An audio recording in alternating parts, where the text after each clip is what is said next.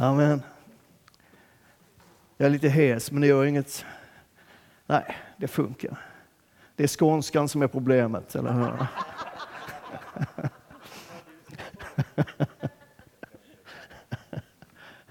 Du kan be båten, sa du det? Människor har försökt. Hörrni, vi, eh, vi är framme vid näst sista delen i den här serien om frihet, eller fri som vi har kallat den. Eh, Aron kommer att avsluta den här serien nästa söndag. kommer att bli vanvettigt bra då också. Vi utgår från det här bibelordet från Galaterbrevet 5 och 1. Till denna frihet har Kristus gjort oss fria.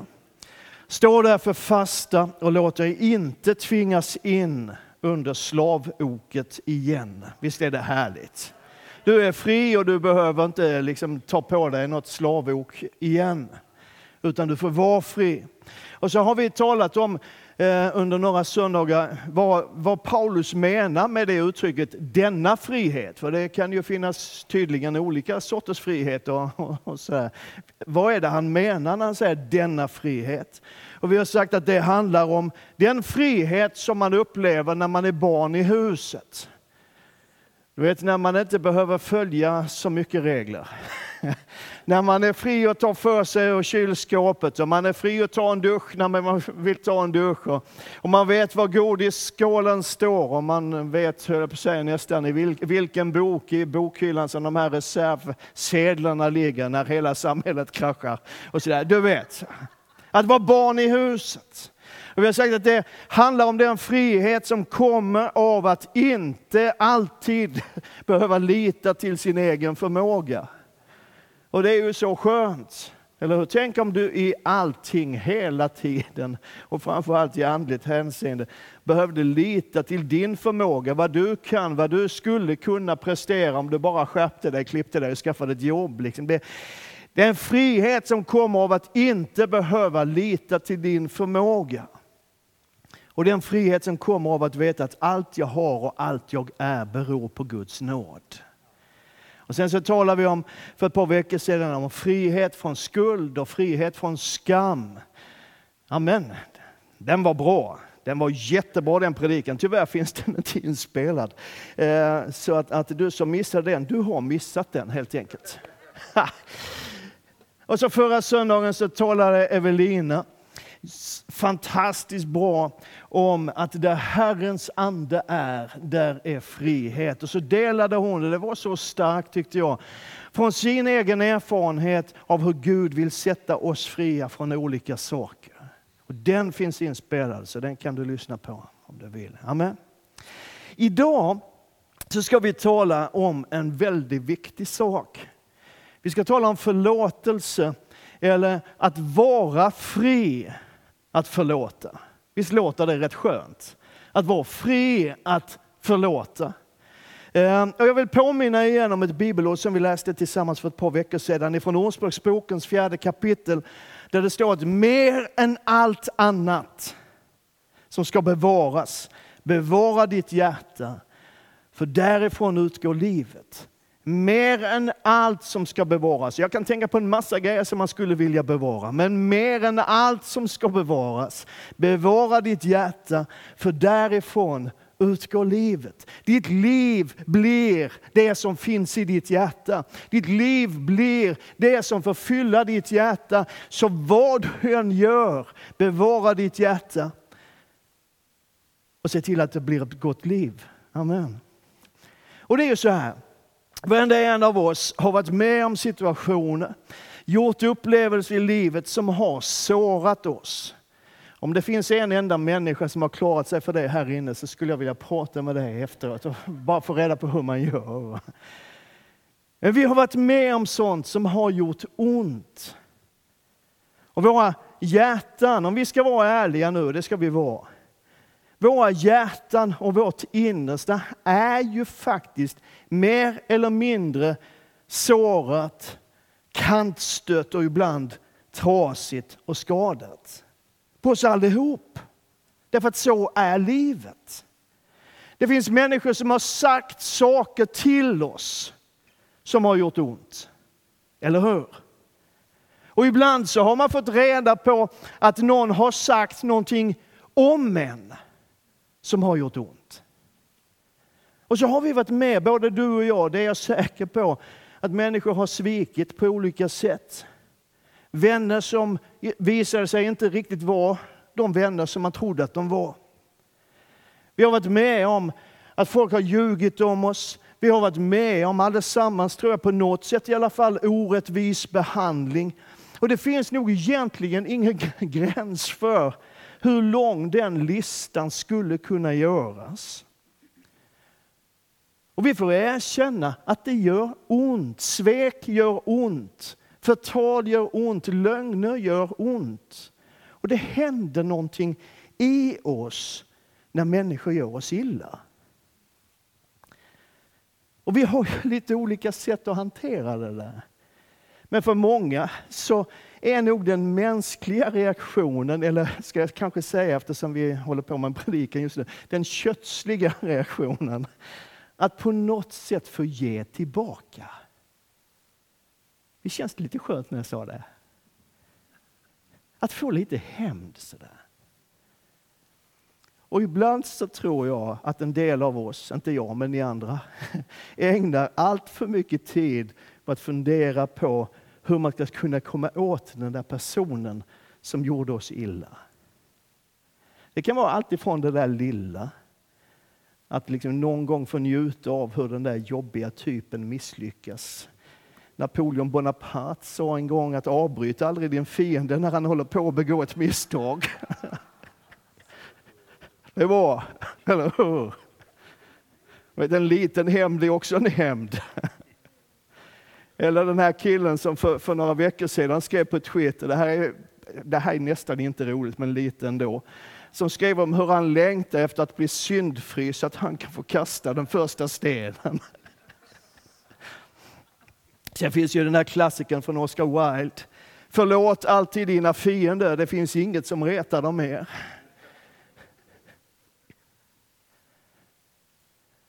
Och man kan ju skratta åt det där. Lite grann. Lite roligt är det. Men samtidigt så är det ju så med oss att det finns ju någonstans där i oss. Lite grann ibland tanken på att få ge tillbaks. Det kanske man inte alltid tänker på att det här citatet från Oscar Wilde faktiskt inte är helt obibliskt. Eller hur? För det står så här i Ordspråksboken 25 att om din fiende är hungrig så ge honom att äta, om han är törstig ge honom att dricka. Då samlar du glödande kol på hans huvud och Herren ska belöna dig. Ärligt, eller hur?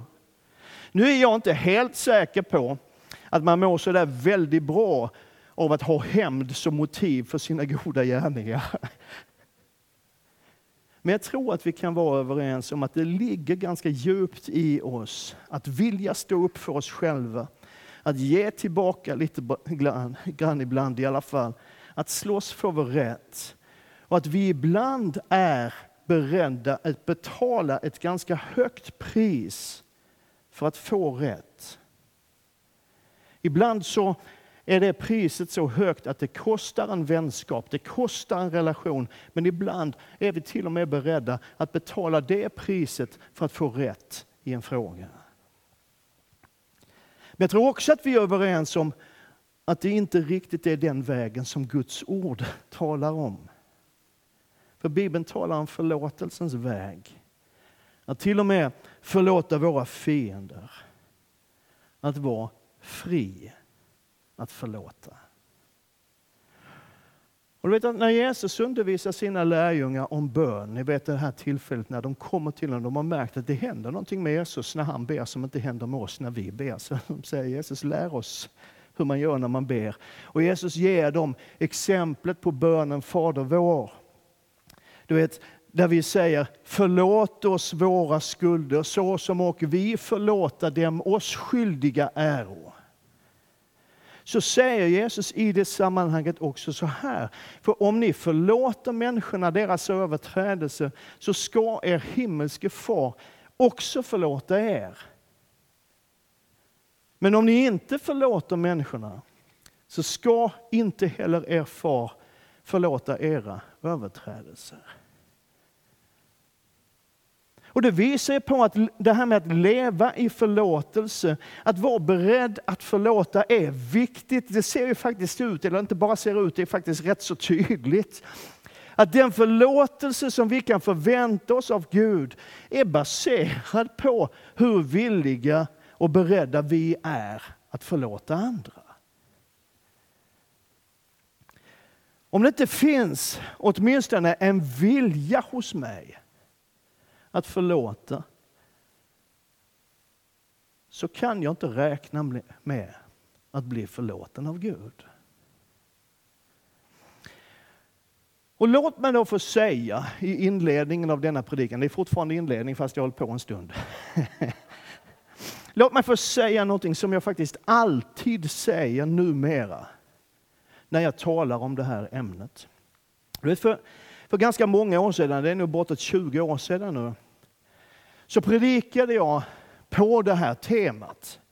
Om att förlåta, att ge förlåtelse till andra. Och, och hade någon sån här punkter, liksom sju steg till hur du kan för, förlåta. Eller någonting sånt där. Och det var nog faktiskt en ganska okej okay predikan som, som blev människor till hjälp.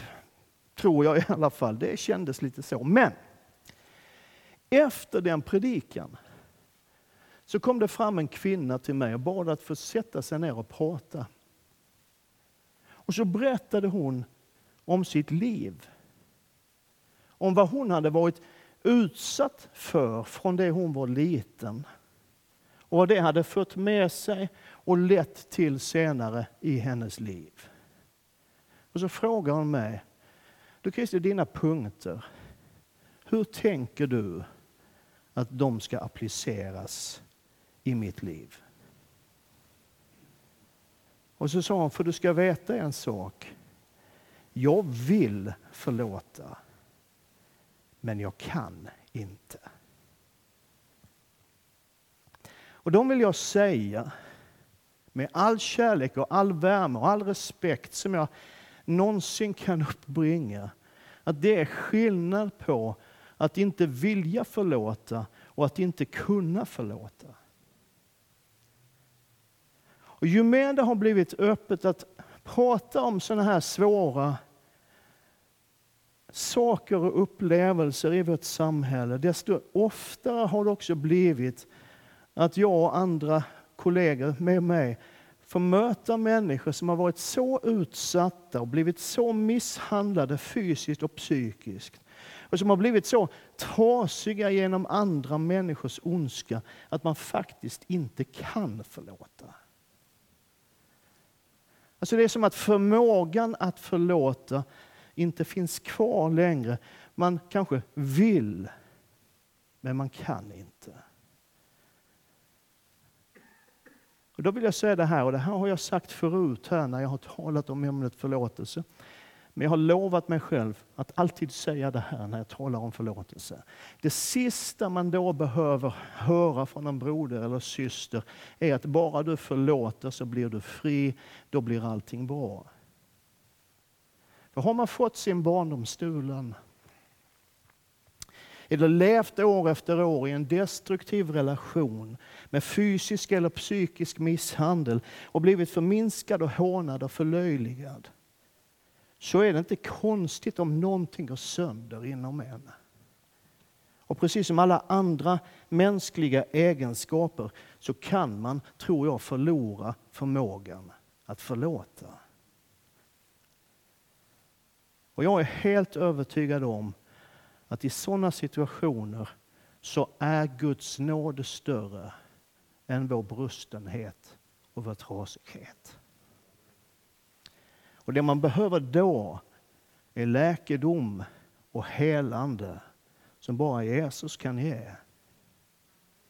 Och att ge förlåtelse till någon annan i en sån situation blir väldigt underordnat. Låt mig få ha det sagt. Och låt mig också få säga att vi har i vår församling ett alldeles utmärkt själavårdsteam, ett samtalsteam som gärna möter dig om du vill prata, som är beredda att lyssna på din berättelse, som är beredda att ta del av din smärta, som är beredda att vandra en sträcka tillsammans med dig. Så hör gärna av dig till oss i församlingen om du behöver ett sådant samtal. Det kan vara en lång process och det kan ta tid. Men jag kan också, det säger jag med, med glädje och fortfarande med full respekt, att jag har sett människor resa sig med Guds hjälp ur en sån situation och faktiskt uppleva det här inre helandet och läkedomen. Så när jag talar om förlåtelse idag så är det inte i första hand de där verkligt djupa såren som jag talar om. Jag talar inte om när man faktiskt inte kan förlåta.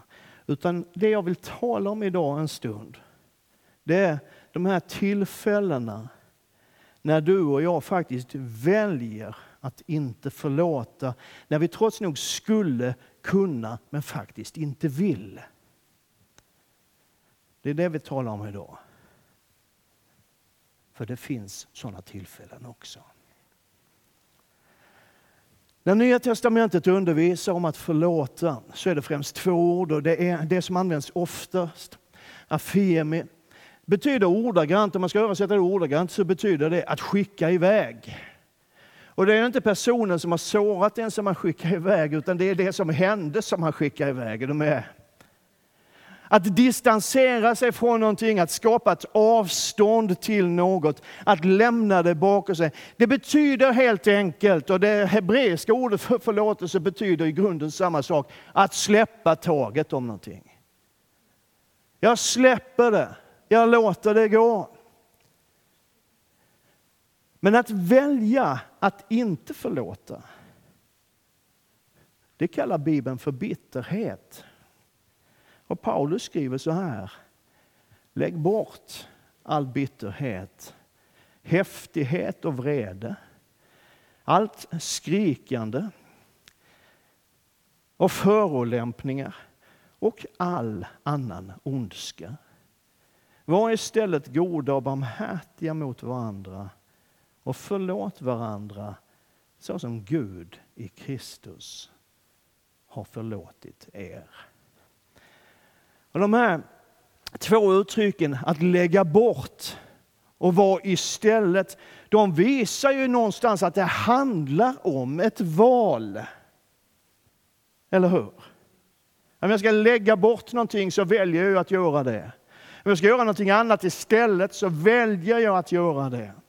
Och det är ett val som ja, det kan vara svårt att göra det, därför att vi ibland är sårade, därför att det ibland gör ont. Och när vi ger förlåtelse så känns det ibland som att man ger någon sorts belöning till den som har gjort oss illa. Eller hur? Men att ge förlåtelse är i första hand att efterskänka en skuld som ändå inte kan betalas. Det är liksom som att den som är skyldig saknar betalningsförmåga. Den som har gjort dig illa och sårat dig har ju på sätt och vis tagit någonting ifrån dig, stulit någonting ifrån dig. Din glädje, din frihet, din lycka, din självkänsla eller vad det nu är. Men här är ju grejen, att handlingar kan inte göras ogjorda. Eller hur?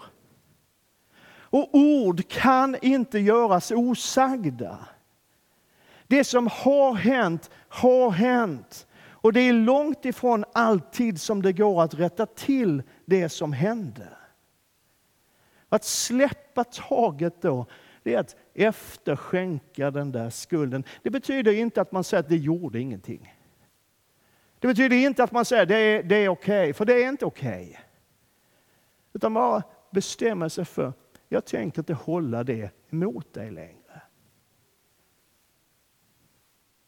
Du är en skitstövel, men jag förlåter dig.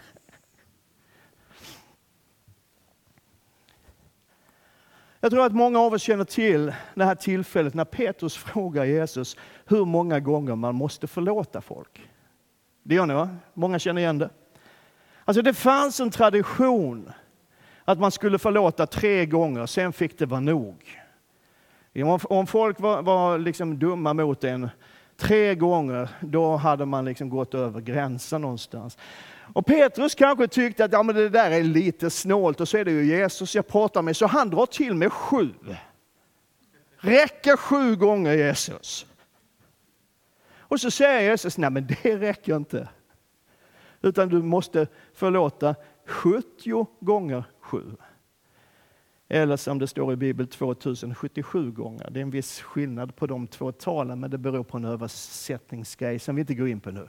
Utan vi håller oss till den gamla klassiska bibelöversättningen från 1917. 70 gånger 7. Och grejen är ju, oavsett om det nu är 70 gånger 7, 490, eller om det är 77, så är det ju inte menat som ett exakt antal gånger som vi ska förlåta andra. Utan Jesus vill nog peka på att det finns faktiskt ingen övre gräns. Och sen berättar Jesus en liknelse om en man som var skyldig kungen sjukt mycket pengar. Något alldeles vanvettigt mycket pengar. Alltså kungen hade det nog rätt gott ställt kan man förstå av den här berättelsen. För att någon gång under året så tänker han så här, ja men nu är det nog dags för de här lirarna att göra en, en liten avstämning. och så får de komma, hans folk då får komma och redovisa. Och då visar det sig att en av hans arbetare, med en som jobbar åt honom, är skyldig honom 10 000 talenter. Och en talent motsvarade värdet av 6 000 dagslöner. Så då kan du ju räkna ut vad du tjänar om dagen, multiplicera det med 6 000 och sedan med 10 000.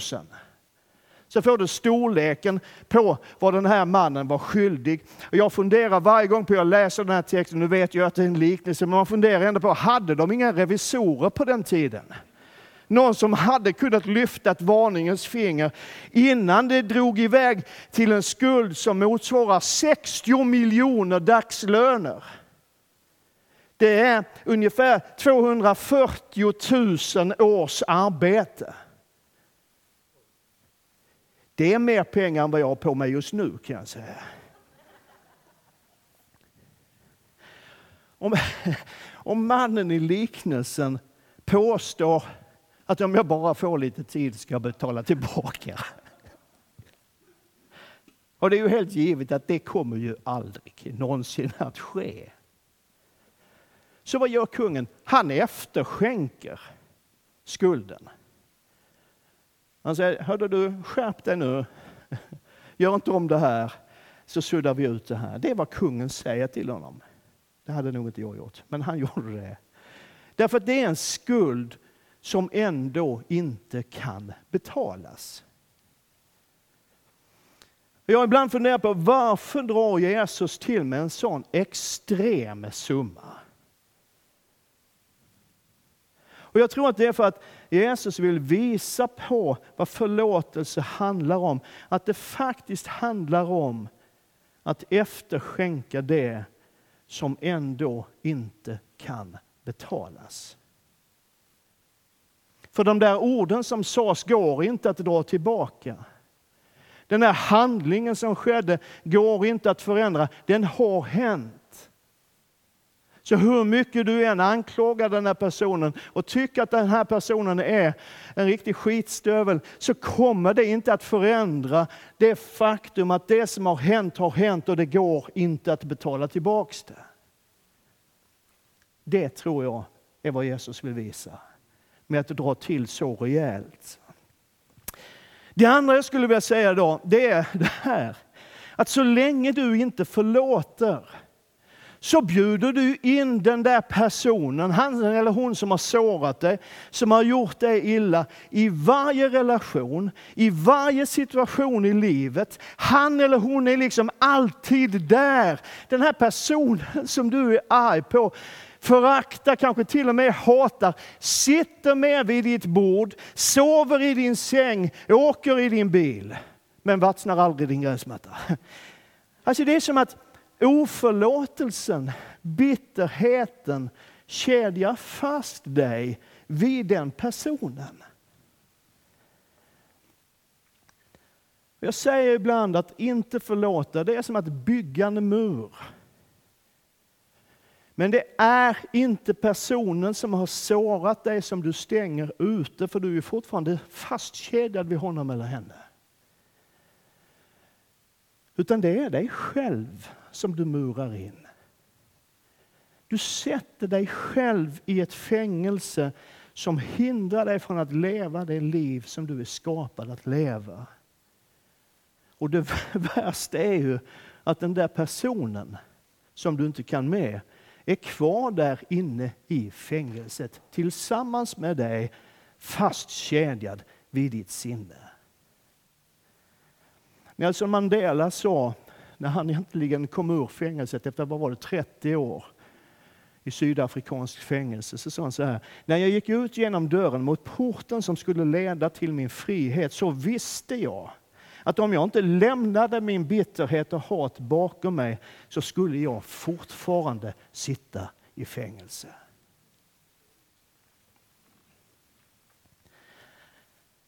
Men när du förlåter så rivs den där muren ner. Och då är det du som blir fri. Banden till det som hände, banden till det jobbiga klipps av. Och så får du komma ut i den frihet som du är kallad till. Ska vi bara för ett ögonblick gå tillbaka till den där liknelsen. För den fortsätter. Den här mannen som hade fått den extrema skulden efterskänkt går därifrån och är nog rätt glad och lättad och känner sig hyfsat befriad skulle jag tro. Så möter han en god vän som i sin tur är skyldig honom en summa pengar. Och det är ingen liten summa det heller, men den är något mer hanterbar. Ungefär en halv årslön. Det är fortfarande rätt mycket pengar.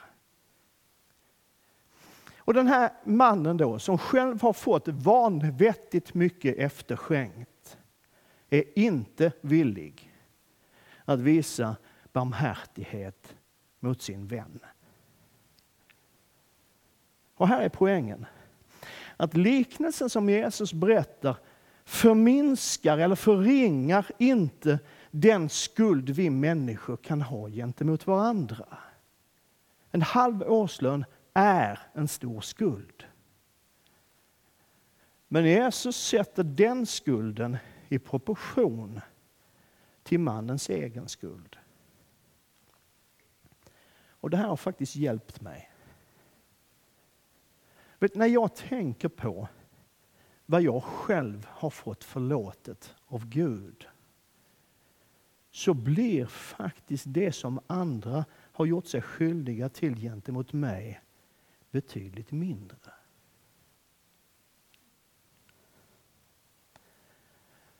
Och Det kan ju kännas som, vi sa för en stund sedan, som att man liksom ger någonting, ger en belöning till den som står i skuld. Men egentligen så är ju min egen skuld som Jesus har tagit betydligt större. Och Det är någon som har sagt, jag kommer faktiskt inte ihåg vem just nu, men som har sagt så här. I skuggan av mina sår och min smärta känns förlåtelse som ett beslut att belöna min fiende. Men i ljuset från korset blir den förlåtelse jag ger andra mer som en gåva från en oförtjänt själ till en annan. I skuggan av mina sår, vi kan ta upp lovsångstimmet nu. I skuggan av mina sår och min smärta känns förlåtelse som ett beslut att belöna min fiende. Men i ljuset från korset blir den förlåtelse jag ger till andra mer som en gåva från en oförtjänt själ till en annan. Och då är min fråga idag lite jobbig. Men det får du stå ut med. Vem borde du förlåta idag?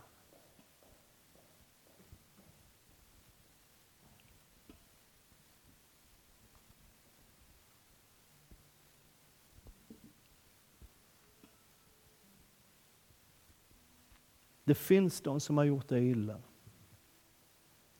Det finns de som har fått dig att må dåligt. Det finns de som har sårat dig. Det finns de som har svikit dig. En del av det lämnar vi bara bakom oss, vi går vidare. Men de allra flesta av oss har någon sån där händelse, någon person som fortfarande dyker upp